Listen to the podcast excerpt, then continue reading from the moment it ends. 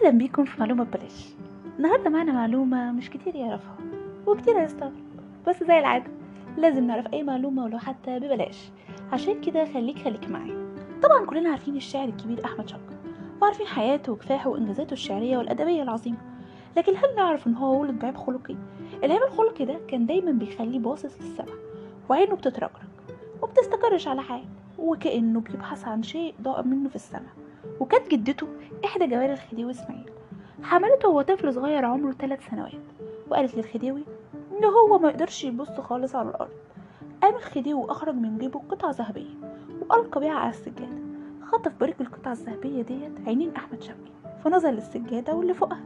وقهقه الخديوي وقال على جيب الدواء ده فهو هيتمثل بالشفا فجابته الجدة وقالت يا أفندينا الدواء ده ما بيتصرفش إلا من صيدلية سنون وبكده نكون خلصنا معلوماتنا الطريفة النهاردة عن أحمد شوقي. ولازال أحمد شوقي مكمل معانا في المرة الجاية بمعلومة جديدة وببلاش. شكرا لحسن استماعكم وأتمنى تكونوا استفدتم وشكرا.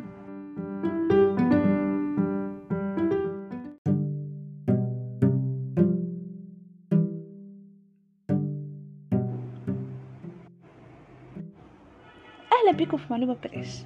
النهاردة معانا معلومة مش كتير يعرفها وكتير هيستغرب بس زي العادة لازم نعرف أي معلومة ولو حتى ببلاش. عشان كده خليك خليكي معايا. ما زلنا مستمرين مع شاعر النيل أحمد شوقي. في معلومات عنه وعن حياته اللي بيصفها الكتير قوي من المقربين منه إنها كانت قلقة وغريبة حتى في الأكل. فكان بيحب الأصناف الكتيرة قوي من الأكل رغم إنه كان قليل الأكل. وبيطلب من بنته اللي كانت بتجاور منزله إنها ترسل كل الأكل اللي عندها عشان يحطه على مائدة الغداء. وكان ما بياكلش أكله إلا لما يشرب الأول مية مخلوطة بيود وكان بعد العشاء بيذهب للسينما وبيجلس في الصف الأول لضعف بصره. لأنه هو كان عنده ضعف نظر يعني. فطاره كان بسيط جدا في في كافيه جروبي قهوة بلبن وقطعة فطير. معلومة أغرب بقى عن شوقي.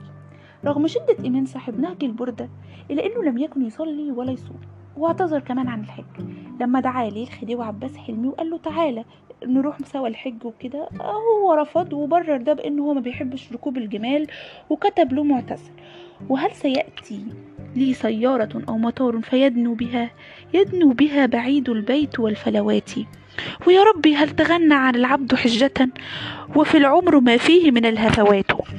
وبكده نكون خلصنا معلومتنا النهارده. انتظروني قريب في معلومة جديدة وبلاش. بشكركم لحسن استماعكم وأتمنى تكونوا استفدتم وشكرا.